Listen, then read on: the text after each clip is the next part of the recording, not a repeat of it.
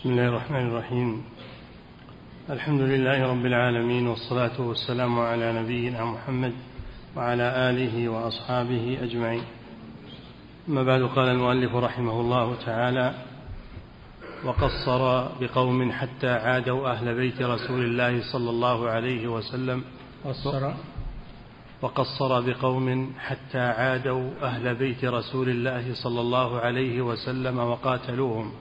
واستحلوا من حرمتهم وتجاوز بقوم حتى ادعوا فيهم خصائص النبوة من العصمة وغيرها وربما ادعوا فيهم الإلهية. نعم الشيطان لعنه الله. يكيد لبني آدم ويحاول إخراجهم عن الاعتدال في كل شيء إلى الإفراط والغلو أو التفريط والإهمال. ذكر الشيخ رحمه الله فيما سبق مسائل من هذا الباب ووقف عند هذه المسألة أن الشيطان أن الشيطان غلا في قوم في حق أهل بيت رسول الله صلى الله عليه وسلم حتى ادعوا لهم منزلة ليست لهم من أنهم ينفعون ويضرون وأنهم وأن الخلافة لهم بعد رسول الله وهذا قول الشيعة خلافة لهم بعد رسول الله وأبو بكر وعمر والخلفاء الراشدون مغتصبون وظالمون لهم. كذا يقول الشيعة قبحهم الله. يغلون في أهل بيت رسول الله صلى الله عليه وسلم. يريدون قرابة الرسول. قرابة الرسول. ويقصرون في حق في حق بعضهم. فعائشة رضي الله عنها من أهل بيت الرسول من أهل بيت الرسول ومع هذا يشتمونها ويسبونها ويتكلمون فيها كلام يقتضي الردة والعياذ بالله. فهم بين طرفي نقيض في أصحاب رسول الله وأهل بيته. وقابلهم قوم يقال لهم الناصبة. يقال لهم الناصبة يعادون أهل بيت الرسول صلى الله عليه وسلم ويتنقصونهم ويتكلمون فيهم. ناصبوهم العداوة يسمون ناصبة لأنهم ناصبوا أهل بيت الرسول بالعداوة تنقيص. فهم على طرفي نقيض مع الرافضة. نعم.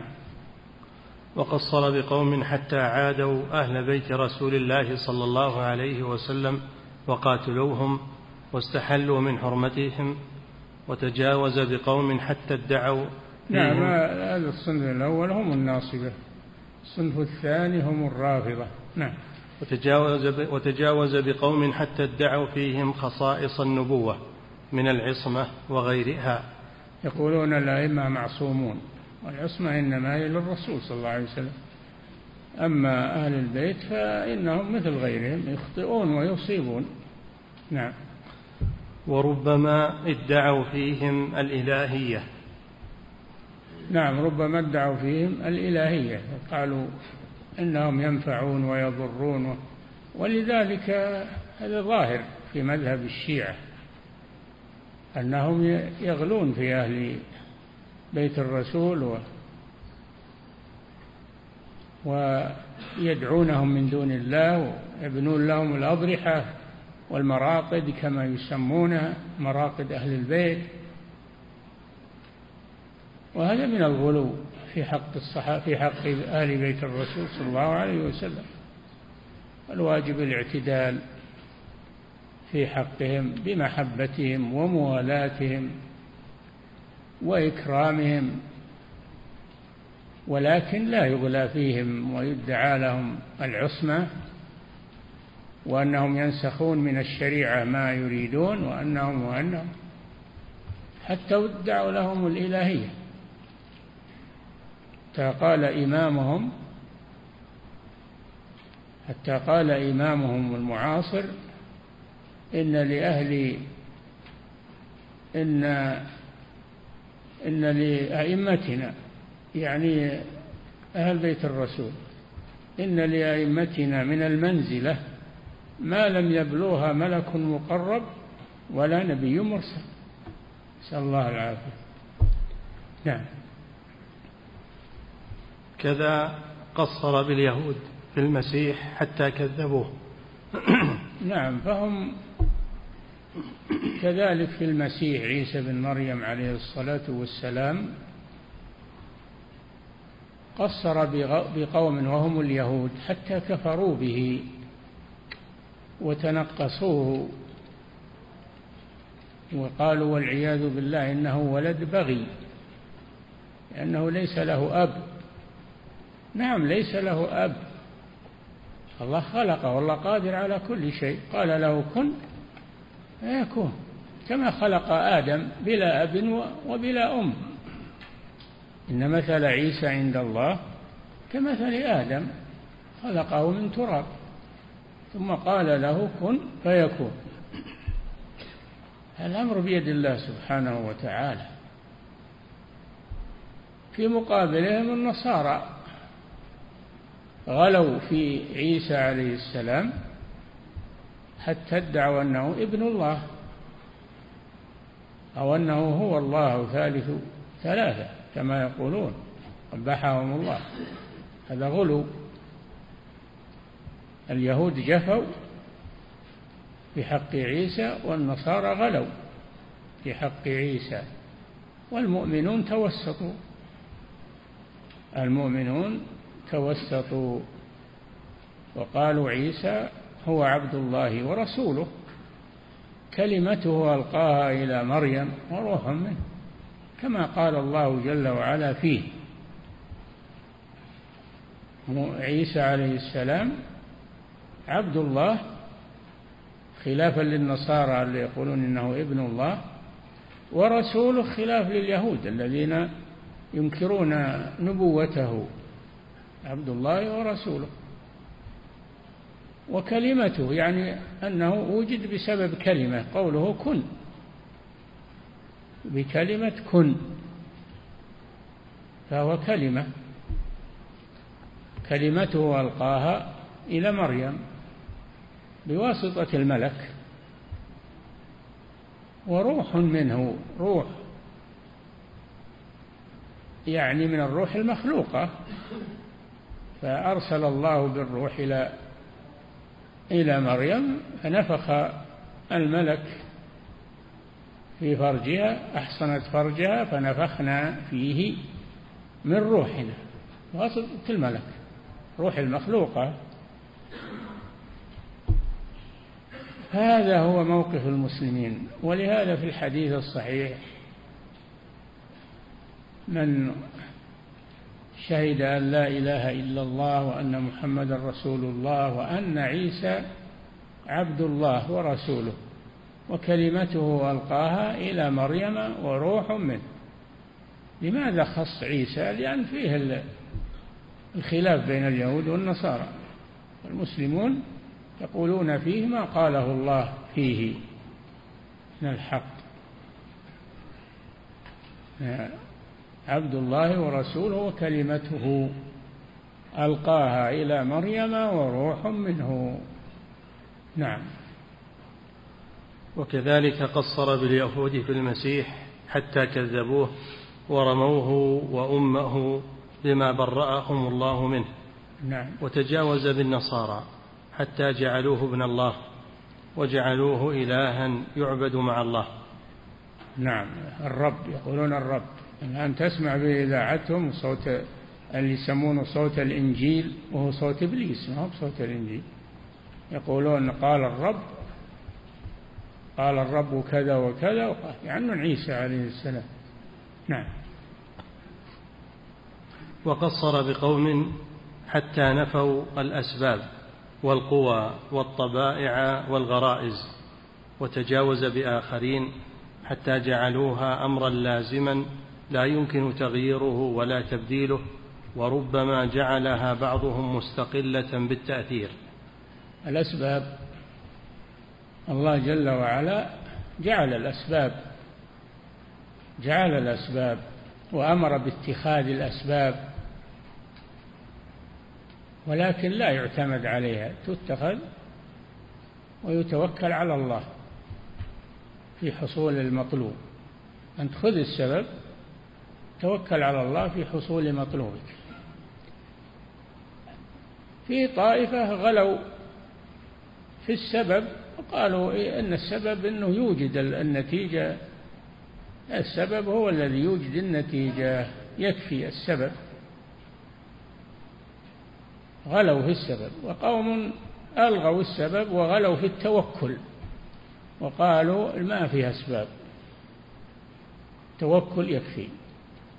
والحق هو الجمع بين اتخاذ الأسباب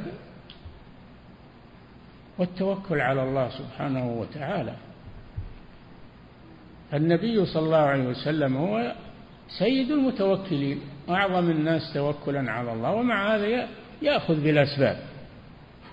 مع هذا يأخذ بالأسباب النافعة ويستشير أصحابه يلبس الدروع والمغفر على رأسه يأخذ السلاح لأن هذه أسباب ما أهملها الرسول صلى الله عليه وسلم مع أنه أعظم المتوكلين.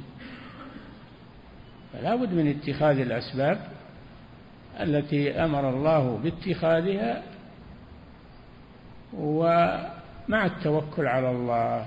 قوم أخذوا بالتوكل وألغوا السبب وقوم أخذوا بالسبب وألغوا التوكل والوسط هو الجمع بين الاثنين. التوكل الأخذ بالسبب النافع مع التوكل على الله سبحانه وتعالى. نعم. وقصر بقوم حتى تعبدوا بالنجاسات وهم النصارى وأشباههم وتجاوز بقوم حتى أفضى بهم الوسواس إلى الآصال والأغلال وهم أشباه اليهود. نعم في ناس يزعمون التواضع ولا يتطهرون من النجاسات لأن هذا عندهم من باب التواضع و وهذا تشبه بالنصارى لأن التشبه بالنصارى. نعم لأنهم لا يتطهرون من النجاسات. بزعمهم أن هذا من التواضع ومن وغلا بقوم في النجاسات حتى حذروا منها حتى رموا بالوسواس. اليهود يغلون في الطهارة حتى إنهم يشقون الثوب الذي فيه نجاسة ما يغسلونها يشقونها من الثوب. هذا غلو والعياذ بالله. فشوف الفرق بين اليهود والنصارى في النجاسة. ويشبههم ناس من هذه الأمة من الصوفية وغيرهم. بعضهم يغلو في تعبد بالنجاسة ولا يتجنبها وبعضهم يوسوس ويتشدد في أمر النجاسة. والوسط هو هو الاعتدال والخير. النجاسة تغسل. ويطهر الثوب يعني بعد أن كان نجسا ولا يجوز أن تصلي بثوب نجس وأنت تقدر على تطهيره ولا أن تصلي في بقعة نجسة وأنت تقدر على تطهيرها أو أو الافتراش عليها. فلا يجوز التساهل في أمر النجاسة. ولا يجوز الغلو فيها بحيث يصاب الإنسان بالوسواس. كل شيء نجس كل شيء ما يطهر. هذا وسواس من الشيطان. نعم. وقصر بقوم حتى تزينوا للناس وأظهروا لهم من الأعمال والعبادات ما يحمدونهم عليه. وتجاوز بقوم حتى أظهروا لهم من القبائح ومن الأعمال السيئة ما يسقطون به جاههم عندهم وسموا أنفسهم الملاماتية. نعم. كذلك الشيطان تلاعب بطوائف من الناس. تلاعب بطوائف من الناس. فغلا في قوم غلا في قوم في أمر في أمر تجنب المنهيات. لم يكتفوا بما شرعه الله سبحانه وتعالى. غلوا في المنهيات. كل شيء عندهم حرام. كل شيء عندهم لا يجوز. هذا غلو في الأحكام الشرعية. غلاة. وقوم أوقعوا أنفسهم في المعاصي يقولون هذا من باب نخاف على أنفسنا من الرياء فيباشرون المعاصي تظاهر بها حتى لا يكون يصابوا بالرياء بزعمهم. يسمون الملامتية يعني يعملون ما يلامون عليه من المعاصي والمخالفات لئلا يصابوا بالرياء بزعمهم والعياذ بالله. نعم.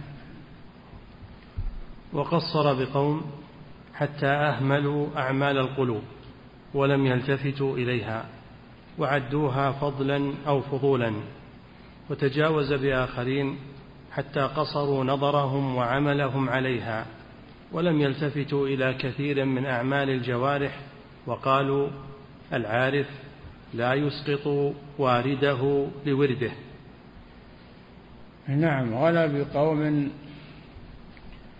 من الناس في هذه المسألة في هذه المسألة وهي أن قوما يقولون تكفي النية والدين في القلب والدين في القلوب ما هو في المظاهر والعبادات. يتركون العبادات.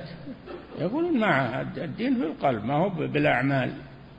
وغلا بقوم في حق الأعمال وأسقطوا ما في القلوب والنيات. وهذا هذان فريقان من الصوفية. فريقان من الصوفية. فقوم منهم يقولون الأولياء ما عليهم لو تركوا الطاعات والعبادات لأن ما هو ما هو بشرط هذا. أنها عارفون هؤلاء العارفون.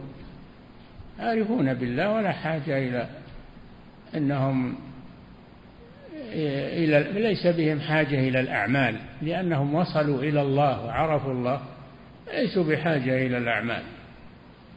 يكفي ما في القلوب يقولون. ويلغون الأعمال. قوم غلوا في الأعمال وألغوا عمل القلوب.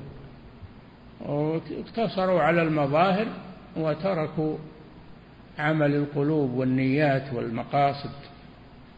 نعم. وهذا باب واسع جدا. هذا الباب الذي الذي اتخذه الشيطان لإضلال بني آدم بين الغلو والإفراط وبين التساهل والتفريط باب واسع لكنه ذكر نماذج منه. ذكر منه نماذج فقط وإلا فالباب واسع في هذا. تلاعب الشيطان ببني آدم بين الغلو والتساهل بين الإفراط والتفريط. نعم. ليخرجهم من الوسطية. يخرجهم من الوسطية. نعم. وهذا باب واسع جدا لو تتبعناه لبلغ مبلغا كثيرا وإنما أشرنا إليه أدنى إشارة. نعم. فصل ومن جملة مكايده الكلام الباطل والآراء المتهافتة والخيالات المتناقضة التي هي زبالة الأذهان ونحاتة الأفكار.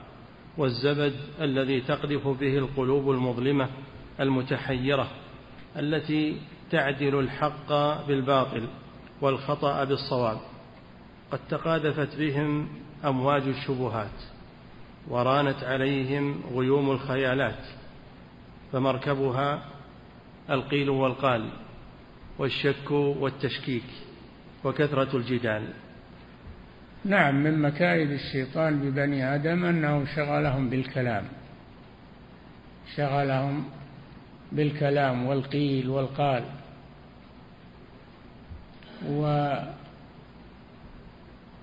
والكلام بعضهم ببعض حتى يشغلهم في أنفسهم. وهذا واقع كثير اليوم. فتنبهوا له. كثير خصوصا بالشباب.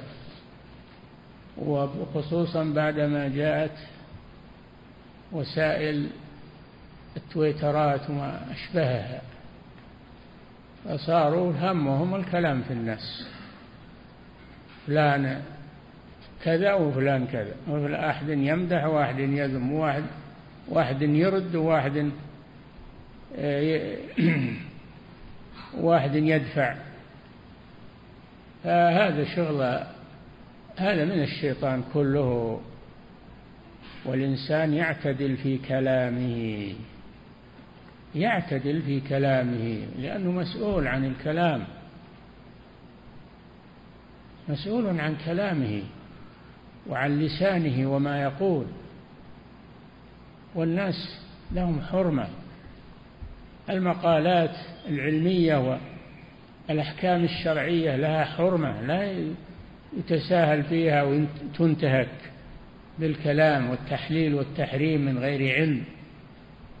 فيجب أن أن طلبة العلم يترفعون عن هذه الأمور يتأدبون بأدب العلماء وطلب وطلبة العلم. ينزهون أنفسهم. الآن منشغلين بالقيل والقال فيما بينهم. وفي مدح فلان وذم فلان. لا تروحون لفلان لا تجلسون يعني بحلقة فلان لا ت... وهكذا. وناس يشثون على فلان وعلى طرف على طرفي نقيض. والواجب الاعتدال في هذه الأمور. وكف اللسان عن القيل والقال التحريش وهذه الأمور كلها من الشيطان. نعم. ومن جملة مكايده الكلام الباطل والآراء المتهافتة والخيالات المتناقضة التي هي زبالة الأذهان ونحاتة الأفكار والزبد الذي تقذف به القلوب المظلمة المتحيرة التي تعدل الحق بالباطل والخطأ بالصواب. قد تقاذفتها قد تقاذفت بها أمواج الشبهات. من هذا أيضا علم الكلام وعلم الجدل وعلم المنطق والإعراض عن كتاب الله وسنة رسول الله والاعتماد على الأدلة العقلية يسمونها عقلية وترك الأدلة الشرعية المذكورة في الوحي من كلام الله وكلام رسوله. ويقولون هذه تفيد الظن. أدلة السمع يعني الوحي تفيد الظن وأما أدلة العقل فهي تفيد اليقين. هكذا يقولون. قواعد المنطق وعلم الكلام مع أنه زبالة الأذهان ونحاتة الأفكار وأنه كلام بشر خطأه أكثر من صوابه. وأما كلام الله وكلام رسوله صلى الله عليه وسلم فهما الحق وهما معصومان. من الخطأ وهما يفيدان اليقين. إذا صح الحديث أو وردت الآية فإنها تفيد اليقين. ومن يشك فيها؟ يشك في معناها ويشك في مدلولها. إلا من عنده ضلال. نعم. قد تقاذفت فيها أمواج الشبهات ورانت عليها غيوم الخيالات. فمركبها القيل والقال والشك والتشكيك وكثرة الجدال ليس لها حاصل من اليقين يعول عليه ولا معتقد مطابق للحق يرجع إليه. يوحي بعضهم إلى بعض زخرف القول غرورا. نعم. يوحي بعضهم إلى بعض يعني آه، علماءهم يوحون إلى طلابهم زخرف القول الكلام المدبج الذي يظنه سامعه حق وهو باطل. الحق هو في كتاب الله وفي سنة رسول الله صلى الله عليه وسلم. وأما كلام الناس فأكثره باطل. والحق منه ما وافق الكتاب والسنة. ما وافق الكتاب والسنة من كلام الناس فهو حق. وما خالف الكتاب والسنة وهو كثير فهو باطل. العمدة على الكتاب والسنة. العمدة لو لو أن العقول تكفي ما احتجنا إلى الرسل ولا إلى الكتب. الله يعلم أنها, أنها لا تكفي. لذلك أرسل الله الرسل وأنزل الكتب لتعليم الناس وهدايتهم ولم يكلهم إلى عقولهم. نعم. يوحي بعضهم إلى بعض زخرف القول غرورا فقد اتخذوا لأجل ذلك القرآن مهجورا وقالوا من عند أنفسهم فقالوا منكرا من القول وزورا. يقولون أدلة الوحي ما تدل على اليقين ولا تفيد العلم إنما تفيد الظن. وأما أدلة العقل فهي التي تفيد اليقين وتدل على العلم كذا يقولون مع أن الواجب العكس. الواجب العكس أن أدلة الشرع هي اللي تفيد العلم واليقين وأن أدلة العقل كثير منها تخرص وضلال قليل منها صحيح وهو ما وافق العقل ما وافق النقل ووافق الكتاب والسنة. نعم. فهم في شكهم يعمهون وفي حيرتهم يترددون. نبذوا كتاب الله وراء ظهورهم كأنهم لا يعلمون واتبعوا ما تلته الشياطين على ألسنة أسلافهم من أهل الضلال فهم إليه يتحاكمون وبه يتخاصمون. فارقوا الدليل واتبعوا أهواء قوم قد ضلوا من قبل وأضلوا كثيرا وضلوا عن سواء السبيل. نعم وطائفة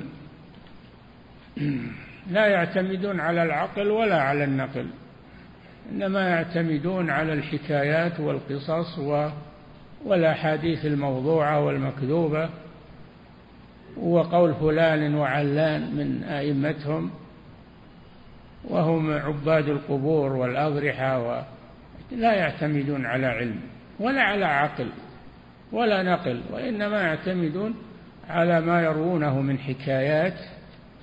قال فلان كذا ورأى فلان في المنام كذا و... فهم هذه عمدتهم هذه أدلتهم ويبنون دينهم على هذا. نعم. فصل ومن كيده بهم وتحيله على إخراجهم من العلم والدين أن ألقى على ألسنتهم أن كلام الله ورسوله ظواهر لفظية لا تفيد اليقين. نعم.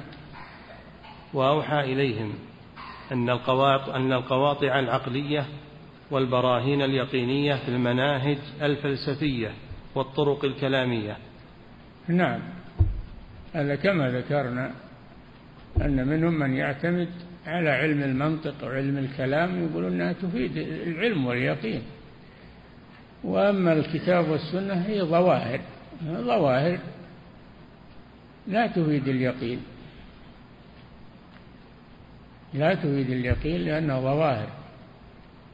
وأما علم المنطق وعلم الكلام والقواعد المنطقية هي التي تفيد اليقين. فقدموها على كتاب الله وعلى سنة رسول الله صلى الله عليه وسلم. هذا شيء واقع في كتبهم وفي مقالاتهم وفي ما يروى عنهم. نعم.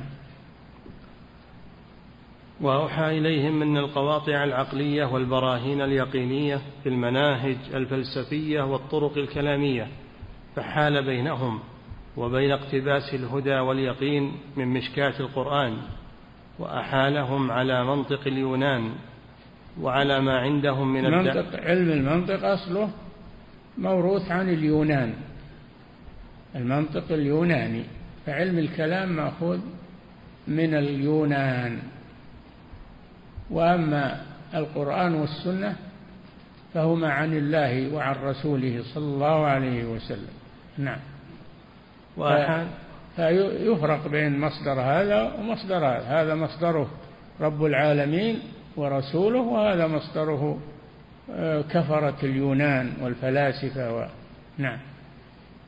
وأحالهم على منطق اليونان وعلى ما عندهم من الدعاوى الكاذبة العرية عن البرهان وقال لهم تلك علوم قديمة صقلتها العقول والأذهان ومرت عليها القرون والأزمان.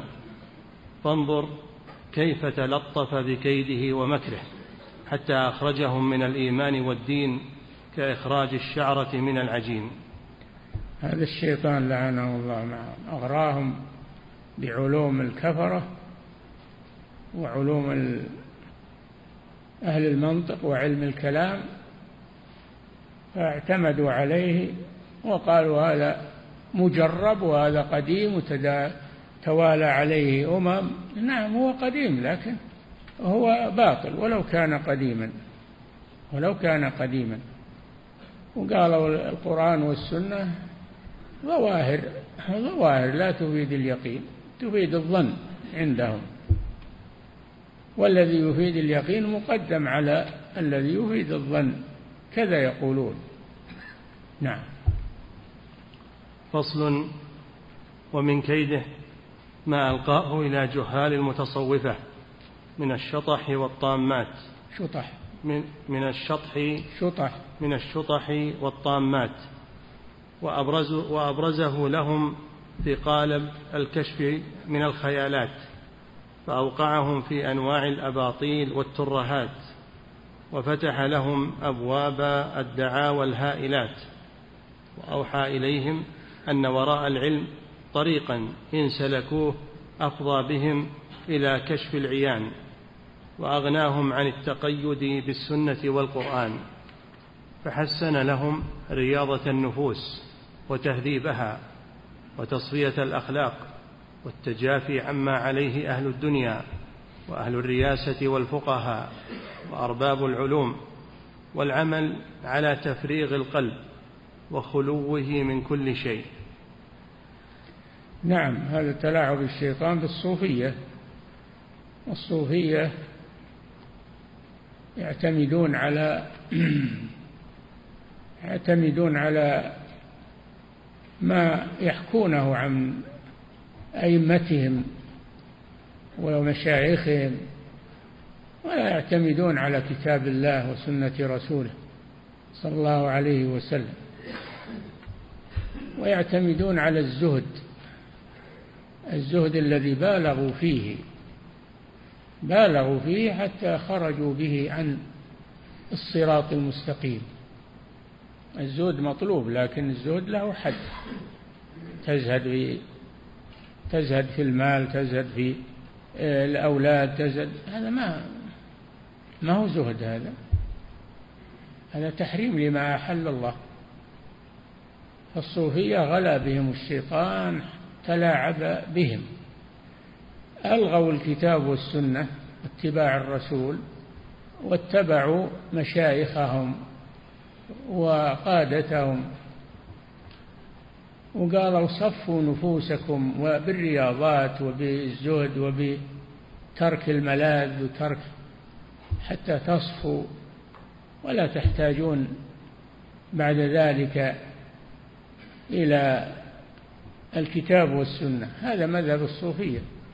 هم على هذا. لا على كتاب ولا على سنة. وإنما هم على ما تخيلوه من الزهد المكذوب ومن دعاوى مشايخهم أن عندهم كشف وعندهم علوم يدرون عن شيء ما ندري عنه وهكذا حتى أسقطوا الأعمال وقالوا لا حاجة إليها الكلام على القلوب كلام على القلوب ولا حاجة إلى الأعمال. هذا عند الصوفية. تدرج بهم الحال إلى أن وصلوا إلى ما وصلوا إليه من ضلال مبين ولا يزالون على هذا إلا من يرجع منهم إلى كتاب الله وسنة رسوله صلى الله عليه وسلم. نعم. فحسن لهم رياضة النفوس وتهذيبها وتصفية الأخلاق والتجافي عما عليه أهل الدنيا وأهل الرياسة والفقهاء. هذا الزهد الزهد المكذوب نعم. وأهل الرياسة والفقهاء وأرباب العلوم والعمل على تفريغ القلب وخلوه من كل شيء حتى ينتقش فيه الحق بلا واسطة تعلم. يقولون لا تعلم العلم يشغلك عن العمل. روض نفسك عليك برياضة نفسك حتى تصفو وترى بها الحق من الباطل. إذا صفت النفس هي ما تحتاج إلى كتاب ولا إلى سنة هي تعرف الحق وتعرف الباطل. كذا يقولون فاعمل على تصفية نفسك. من الشهوات ومن الرئاسات ومن الأموال ومن كله من الكذب والعياذ بالله. والعلم العلم يحاربون العلم الصوفية يحاربون العلم. وهذا شيء معروف عنهم. ظهر حتى على من يدعون العبادة والدعوة. وهم جماعة التبليغ. ينهون عن التعلم وعن العلم. يقولون يشغلكم عن ذكر الله يشغلكم عن العمل. والمطلوب العمل ما هو المطلوب العلم؟ المطلوب العمل. فعليكم بالعمل. كذا يقولون. عليكم بالترويض والخروج. يسمونها الجهاد الخروج أربعين يوم كذا وكذا يروضون أنفسهم بزعمة. يسمونه الجهاد. وما هو الجهاد هذا. الجهاد هو قتال الكفار لإعلاء كلمة الله. هذا الجهاد. ما هو بالجهاد هو الخروج. أربعين يوم أو ما أدري كم أو إلى آخره. كل هذه ترهات وأباطيل. زينها الشيطان. لهم ليخرجهم من الطريق الصحيح. نعم. والعمل على تفريغ القلب وخلوه من كل شيء حتى ينتقش فيه الحق بلا واسطة تعلم. بلا واسطة تعلم. يقول ما حاجة أنك تعلم. يجيك العلم بالرياضة وبالصفاء النفس. تعرف الحق من الباطل إذا صفت نفسك بالرياضة وبالخروج مع مع الصوفية ومع تكتسب منهم تصفو نفسك ولا تحتاج إلى تعلم ولا إلى علم. كذا يقولون. نعم. فلما خلا من صورة العلم الذي جاء به الرسول نقش فيه الشيطان بحسب ما هو مستعد له من أنواع الباطل وخيله للنفس حتى جعله كالمشاهد كشفا وعيانا. فإذا أنكره عليهم ورثة الرسل قالوا لكم العلم الظاهر ولنا الكشف الباطن ولكم ظاهر الشريعة وعندنا باطن الحقيقة ولكم القشور ولنا اللباب. يقولون أنتم تأخذون علمكم عن الأموات عن فلان عن فلان. ونحن نأخذ علمنا عن الله عن الحي الذي لا يموت. لأننا وصلنا بمعرفته فلا حاجة إلى حتى ما هم بحاجة إلى الرسل. الرسل للعوام يقولون أما الخواص فهم وصلوا إلى الله وليسوا بحاجة إلى الرسل ولا إلى العلماء ولا ولا. نسأل الله العافية. ضلال. فيه صورة أنه عبادة وأنه زهد. نعم. فلما تمكن هذا من قلوبهم سلخها من الكتاب والسنة والآثار. ولذلك أعدى شيء عندهم هو هو العلوم الشرعية. نعم. فلما تمكن هذا من قلوبهم سلخها من الكتاب والسنة والآثار كما يسلخ الليل من النهار ثم أحالهم في سلوكهم على تلك الخيالات وأوهمهم أنها من الآيات البينات وأنها من قبل الله سبحانه إلهامات وتعريفات. إلهامات من الله. يقولون وصلنا من الله إلى الله والله نتلقى عن الله الإلهام والأشياء هذه. لسنا بحاجة إلى الوحي وإلى الرسل وإلى هذول العوام اللي ما دخلوا في هذا الباب ولا وصلوا إلى الله. تعالى الله عما يقولون. نعم. وأوهمهم أنها من الآيات البينات وأنها من قبل الله سبحانه إلهامات وتعريفات فلا تعرض على على السنة والقرآن ولا تعامل إلا بالقبول والإذعان. أي نعم هي مقدمة. ما ما يعرض ما تعرض على الكتاب والسنة ويشاف الصحيح من اللي ما هو صحيح بل إنهم يعرضون الكتاب والسنة عليها. بالعكس فهذا من كيد الشيطان لبني آدم. نعم. فالتصوف من كيد الشيطان لبني آدم. يخرجهم من السنة إلى البدعة. يخرجهم من السنة إلى البدعة. يقولون للعصاة اصحبونا. اصحبونا وبعدين تتركون المعاصي. ما يدعونهم ويأمرون بالمعروف وينهون عن المنكر لا. يقولون اصحبونا وبعدين إذا صحبتمونا عرفتم الحق. تلقائيا كما يقولون. الخروج يخرج معنا اخرج كذا. هذا كله من الباطل والتلاعب. وصد الناس عن دين الله الحق وعن كتابه. وسنة رسوله صلى الله عليه وسلم. ويقولون نحن نتوب الناس. طيب المعصية شر المعصية أخف من البدعة. أن تخرجهم من معصية وتدخلهم في بدعة. والبدعة شر من المعصية. هم لو بقوا على المعصية رجالهم المغفرة والتوبة.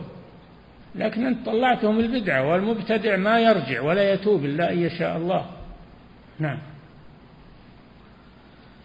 وأوهمهم أنها من الآيات البينات وأنها من قبل الله سبحانه إلهامات وتعريفات فلا تعرض على السنة والقرآن ولا تعامل إلا بالقبول والإذعان فلغير الله لا له سبحانه ما يفتحه عليهم الشيطان من الخيالات والشطحات وأنواع الهذيان.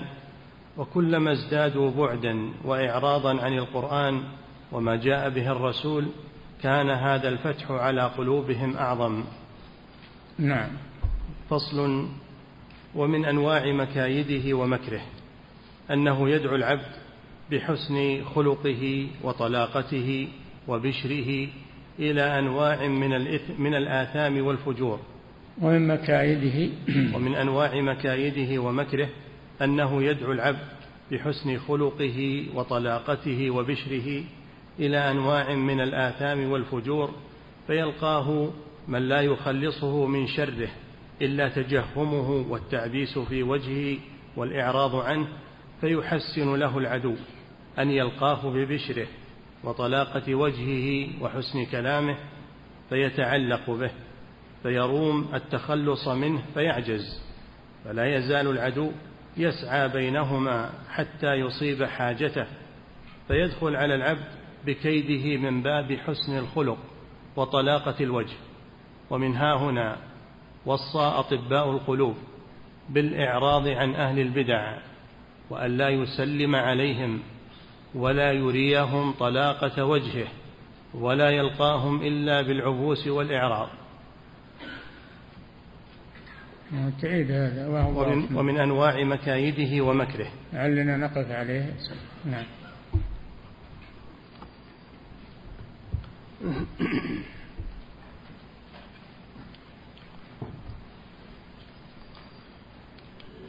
فضيلة الشيخ وفقكم الله يقول هل صحيح ما يذكره الشيعة والرافضة من أن هناك مهديا منتظرا سيخرج؟ وأنه سيكون له اسم الرسول عليه الصلاة والسلام. لكل قوم مهدي اليهود ينتظرون المهدي وهو المسيح الدجال. هذا مهدي اليهود. وكذلك الشيعة ينتظرون خروج المهدي. المهدي الذي يقولون إنه يقتل أبا بكر وعمر ويخرجهم من القبر من قبورهم ويقتلهم. وأنه يعمل كذا وكذا. هذا مهدي الشيعه مهدي. قائم الزمان اللي في السرداب. السرداب ينتظرونه. سرداب سامره ينتظرونه حتى يخرج.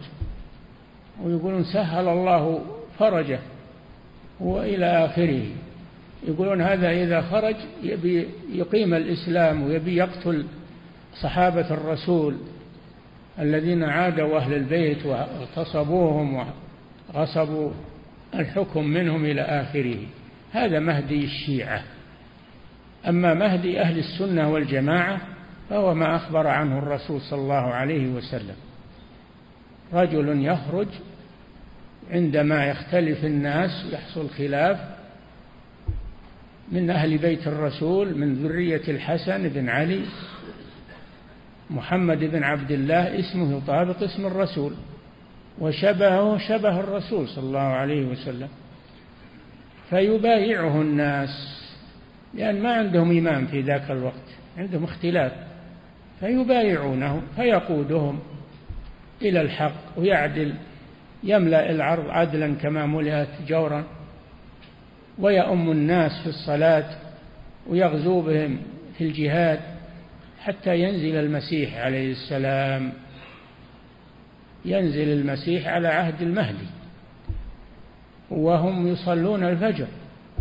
فيريدون أن يقدموا المسيح. عيسى بن مريم يصلي بهم ويقول لا إمامكم منكم.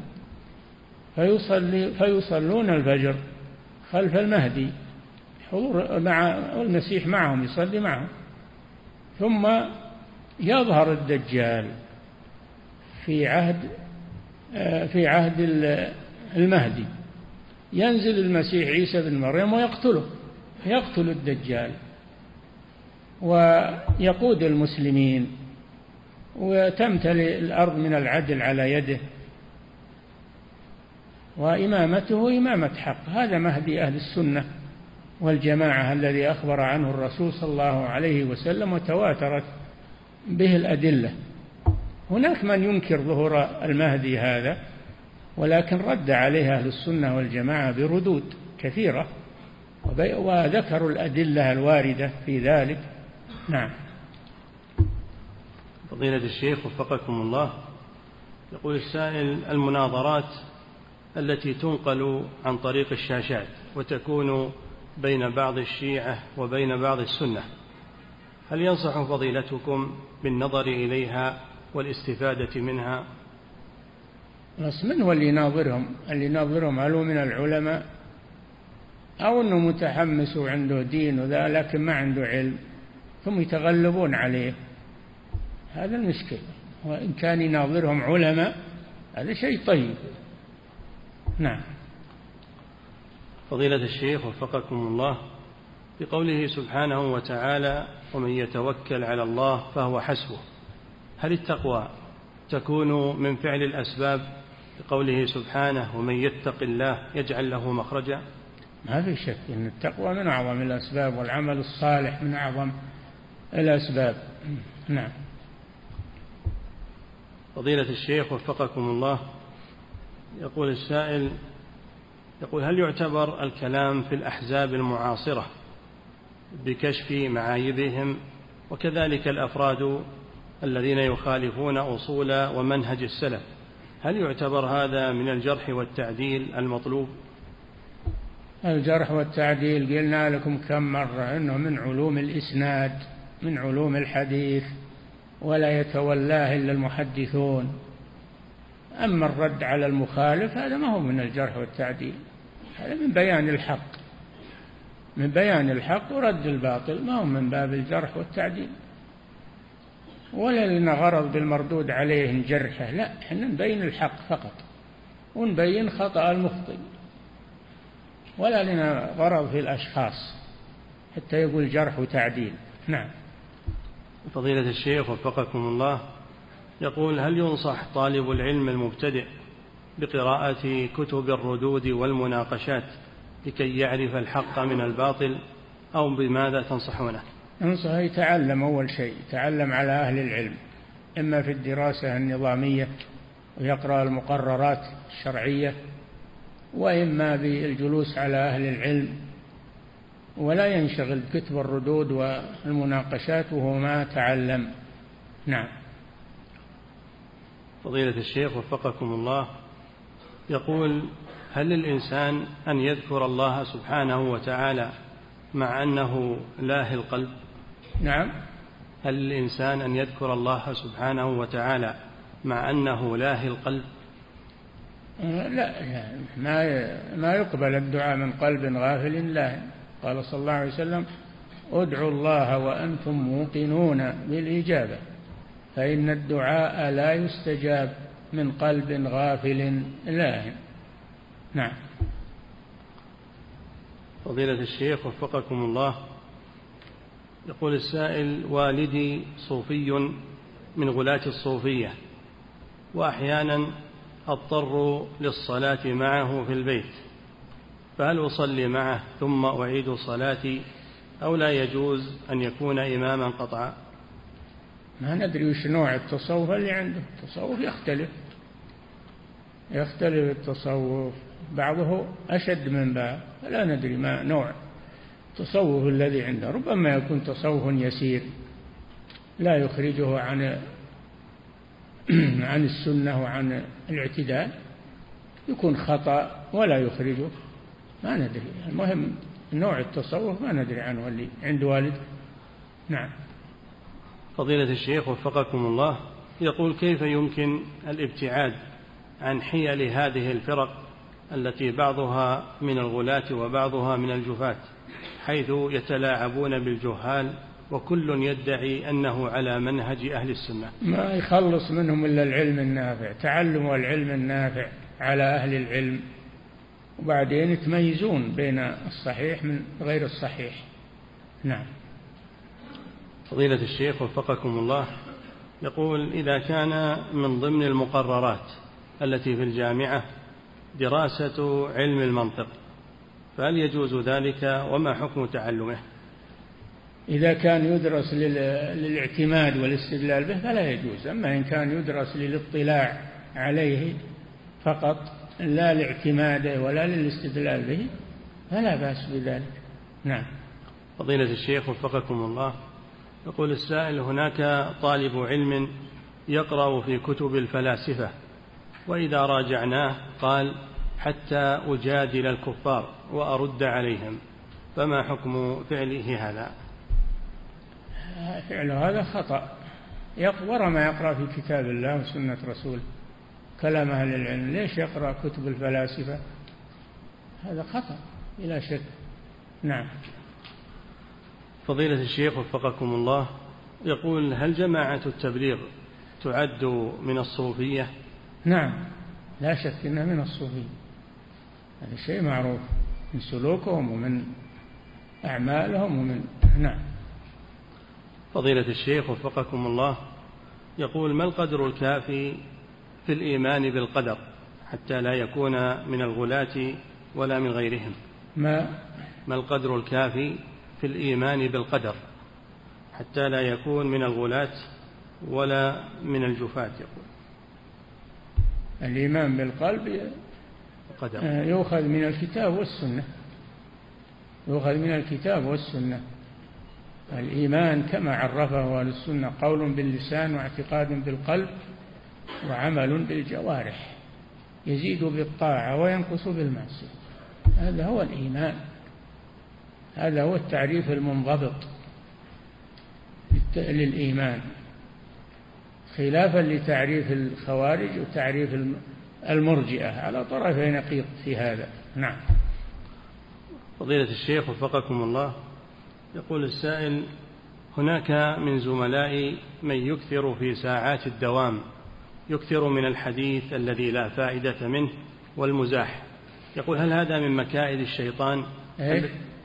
يقول هناك من زملائي من يكثر في ساعات الدوام من الحديث الذي لا فائدة منه ويكثر من المزاح.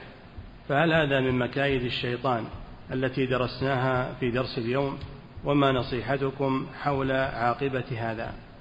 بلا شك كثرة الكلام وكثرة المزاح وكثرة الضحك أنه من ما يغفل القلب ويقسي القلب ويغفله عن ذكر الله عز وجل فأنت تنصحه بأن يترك هذا ويلزم الجادة الصحيحة.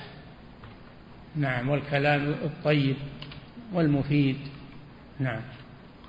فضيلة الشيخ وفقكم الله يقول هل من تلاعب الشيطان ببعض أهل الزمان أن فتنهم بما يسمى بالديمقراطية والانتخابات حتى صاروا يعتبرونها من الدين الذي يتقرب به إلى الله؟ الديمقراطية إيش الديمقراطية؟ الانتخاب هذا ما هو ما هو بنظام إسلامي. النظام الاسلامي إن ولي الأمر هو اللي يولي الموظفين ويولي الولاة والأمراء يختارهم. ولي الأمر هذا راجع لولي الأمر. نعم. فضيلة الشيخ وفقكم الله. الله جل وعلا قال لولاة الأمور. إن الله يأمركم أن تؤدوا الأمانات إلى أهلها. والأمانات هي الوظائف. تؤدوها إلى من يقوم بها على الوجه الصحيح. ما تحابون بها أحدا أو تولونها من لا يصلح لها. نعم.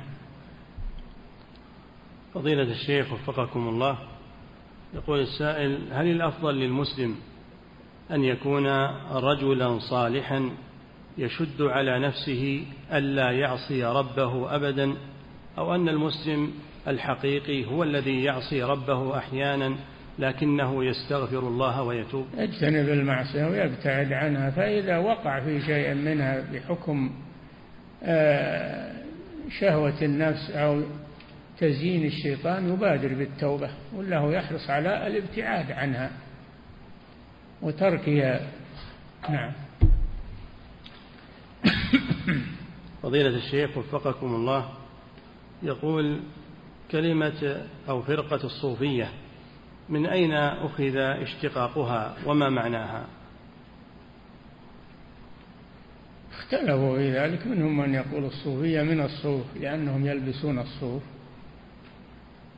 ومنهم من يقول إنه من الصفاء لأنهم يدعون صفاء القلوب. ومنهم من يقول قولا غريبا يقول نسبة إلى أهل الصفة الذين في عهد الرسول صلى الله عليه وسلم. وهذا كذب. هذا كذب. نعم. فضيلة الشيخ وفقكم الله يقول السائل هل يجوز في الدعاء أن يقول الداعي يا رب الأرباب مع أن الكفرة قد جعلوا الأصنام أربابا. الله رب كل شيء. الله خالق كل شيء. رب الأرباب نعم هو الله سبحانه وتعالى. نعم.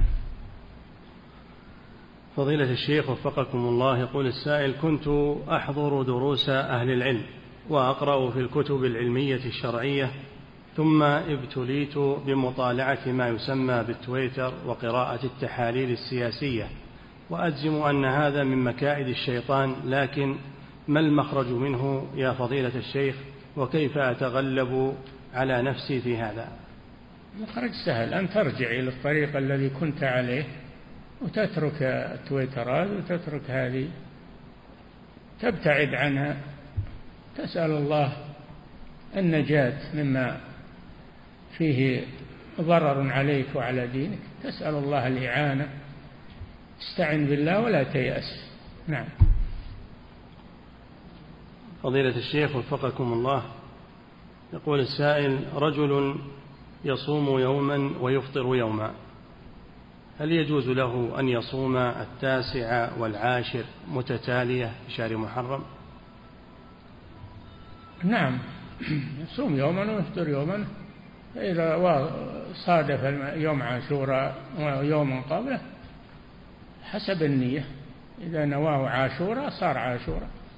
ويوم قبله حسب نيته. نعم.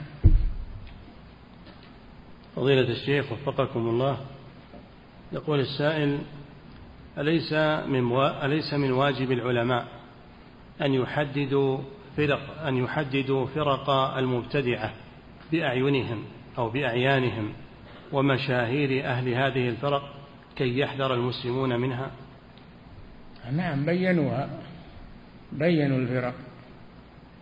في كتب. الفرق بين الفرق للبغدادي آه، كتاب الفرق للشهرستاني كتاب المقالات لأبي الحسن الأشعري كلها مبينة فيها الفرق. نعم. فضيلة الشيخ وفقكم الله يقول كيف نستطيع التفريق بين ما حذر منه فضيلتكم من الغيبة والنميمة وبين الكلام في أهل البدع والضلال والتحذير منهم. هذا حسب المصلحة والنية. إذا كان الكلام في أهل البدع تأكدت أنهم أهل بدع وتأكدت من ما هم عليه وحذرت منهم فهذا من النصيحة وليس من من الغيبة ولا من النميمة هذا من النصيحة. أما أنك ما تعرف البدع وكل كل مبتدع هذا المشكلة الآن. التراشق بالبدعة الناس ما يعرفون ما هي البدع إنما هي شيء في نفوسهم على بعضهم بعض. الواجب ما يتكلم الإنسان إلا عن علم ولا يتكلم إلا بقدر الحاجة وبقدر ما فيه مصلحة ولا يزيد الشر شرا. نعم. فضيلة الشيخ وفقكم الله يقول إذا صلت المرأة صلاة الفريضة منفردة ولم تقرأ سورة بعد الفاتحة فما حكم صلاتها؟ وهل عليها سجود للسهو؟ قراءة السورة بعد الفاتحة سنة. صلاتها صحيحة. صلاتها صحيحة. وبعض العلماء يقول يستحب أن تسجد للسهو يستحب استحباب. سجود السهو في مثل هذا من ترك سنة استحب له أن يسجد للسهو. نعم. فضيلة الشيخ وفقكم الله السؤال يقول هل هناك كفارة تقوم بها الزوجة التي قد قارفت جريمة الزنا علما بأنها نادمة وتريد التوبة والحفاظ على زوجها وهل يجب عليها أن تخبر زوجها بهذا العمل؟ الحمد لله إذا لم تكن وقعت في الزنا وإنما حصل منها شيء قاربها منه ولكنها حصمها الله منه عليها بالتوبة والستر على نفسها تحمد الله على التوبة وعلى نعم.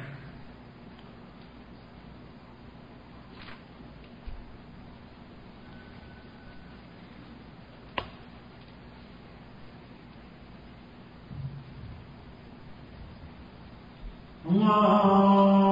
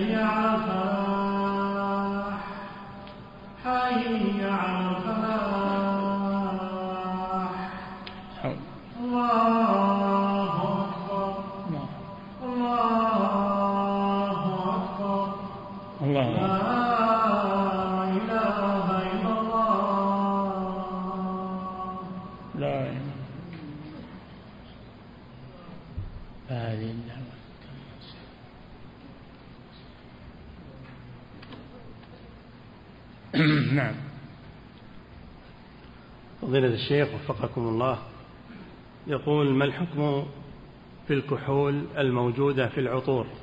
هل هي نجسة أم طاهرة؟ إذا ثبت أن هذا العطر فيه كحول يجب الابتعاد عنه ومنعه.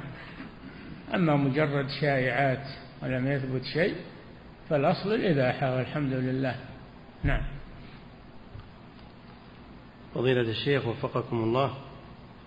يقول السائل لي قريب فقير في بلد خارج هذه البلاد.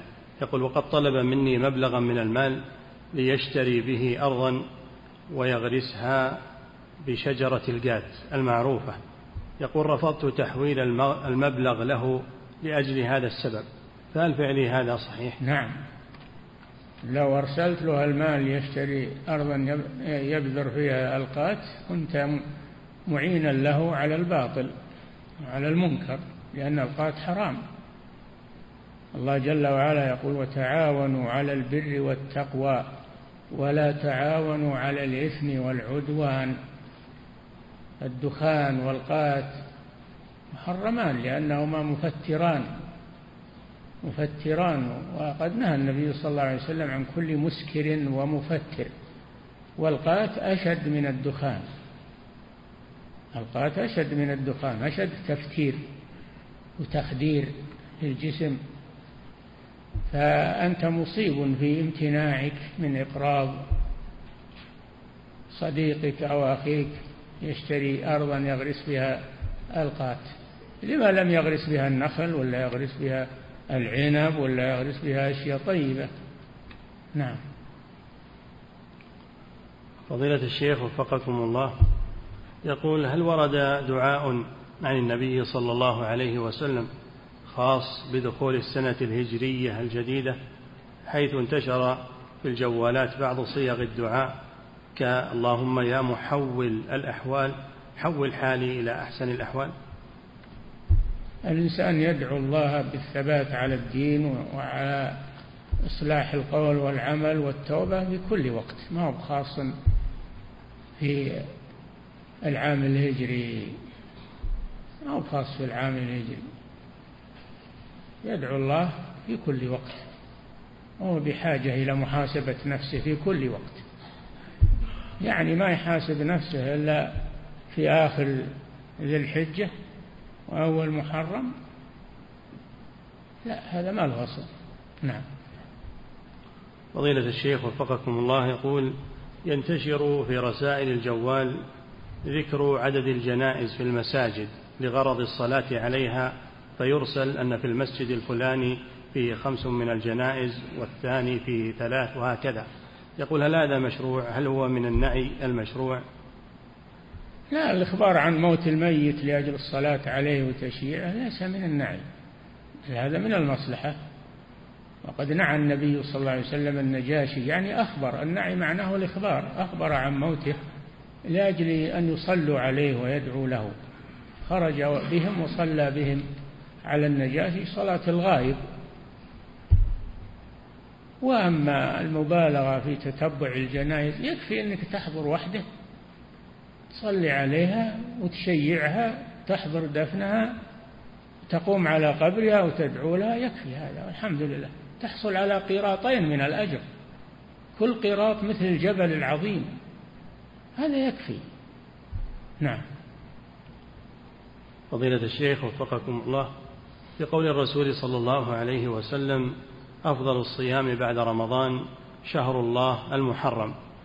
ذكرتم حفظكم الله بالأمس أن الشهر لا يصام كله. نعم. وإنما أكثره. نعم. يقول هل بمعنى ذلك أنه يفطر يوما واحدا فيكون خارج النهي؟ يعني ما يفطر ما يصوم الشهر كله يفطر يوم أو أكثر لئلا يكون صام الشهر كله. نعم. يفطر منه يعني يفطر من الشهر من أوله من وسطه من آخره. نعم. فضيلة الشيخ وفقكم الله.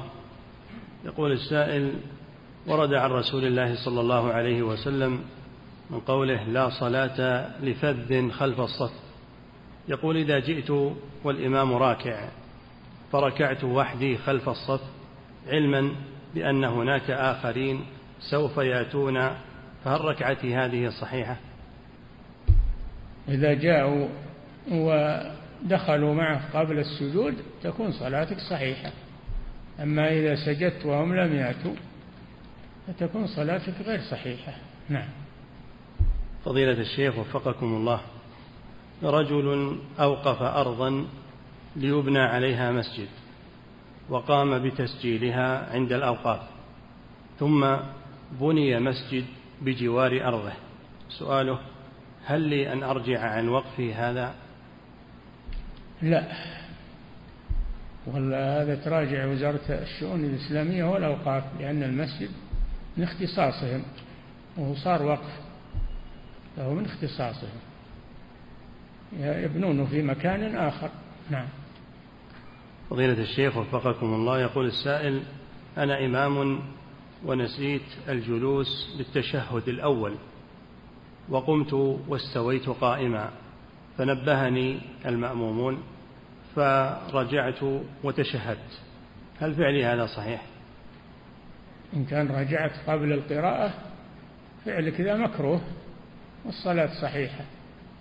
لأنك إذا اعتمدت قائما فلا ترجع يكره الرجوع. فإن شرعت في القراءة يحرم الرجوع. لأنه ما يرجع من بعد ما شرعت في في ركن ما ترجع لواجب. ما ترجع لواجب. الركن أكد من الواجب. نعم. لكن إذا فعل هذا جاهلا صلاته صحيحة. نعم. فضيلة الشيخ وفقكم الله يقول السائل من وجد في ملابسه نجاسة بعد أدائه للصلاة فهل يعيد صلاته؟ من وجد في ملابسه نجاسة بعد انتهائه من الصلاة. فهل يعيد صلاته؟ لا. صلاته صحيحة إن شاء الله. لكن يغسل النجاسة للمستقبل. نعم. فضيلة الشيخ وفقكم الله يقول لي قريب سافر إلى خارج هذه البلاد وكان في جزيرة فبحث في ثلاث جوامع لكي يصلي صلاة الجمعة لكن وجد في كل جامع منها وجد قبورا. فكان يصلي الجمعة في البيت يصليها ظهرا. هل فعله هذا صحيح؟ إذا كانت القبور داخل المساجد؟ نعم فأنت مصيب. لا تصلي في مسجد مبني على قبر.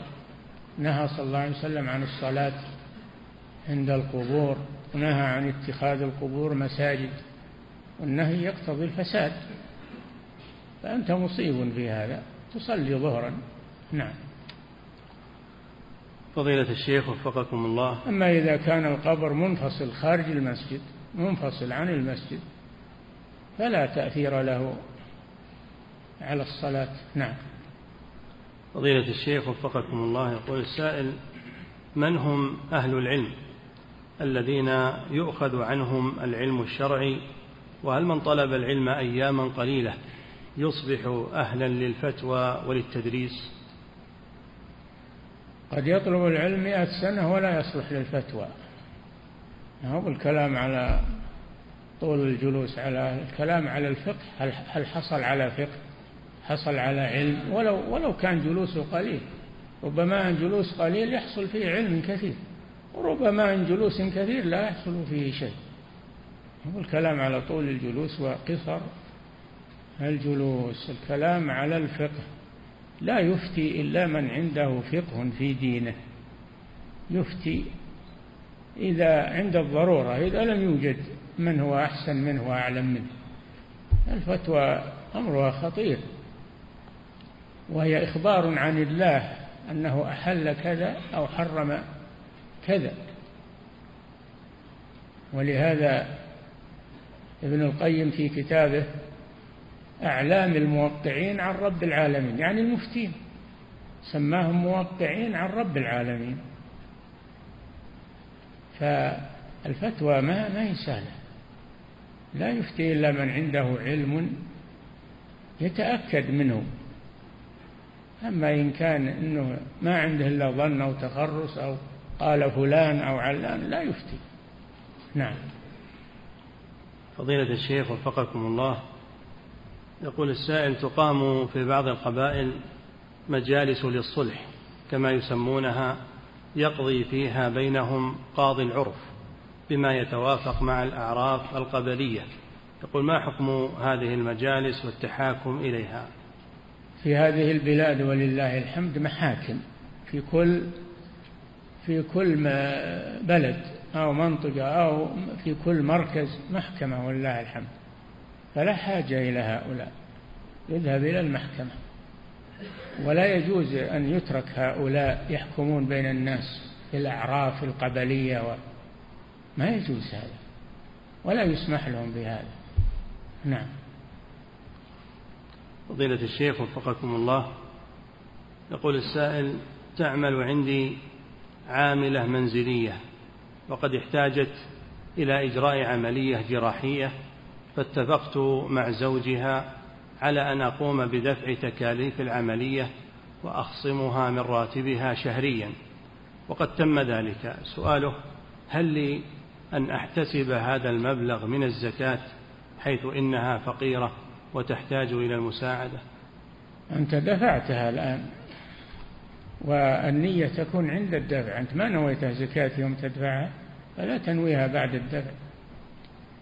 أما أنت تمضي على ما اعتبرته من باب القرض لها وإما أن تحتسب الأجر وتتركه لها مساعدة لها على العملية. نعم.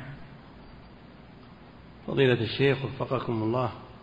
هذا سائل من بلجيكا يقول يقول أريد أن أطلب العلم لكن أمي مريضة وعندي أخوان صغيران. سؤاله هل أترك أمي المريضة وأذهب لطلب العلم أو أبقى معها؟ تبقى معها.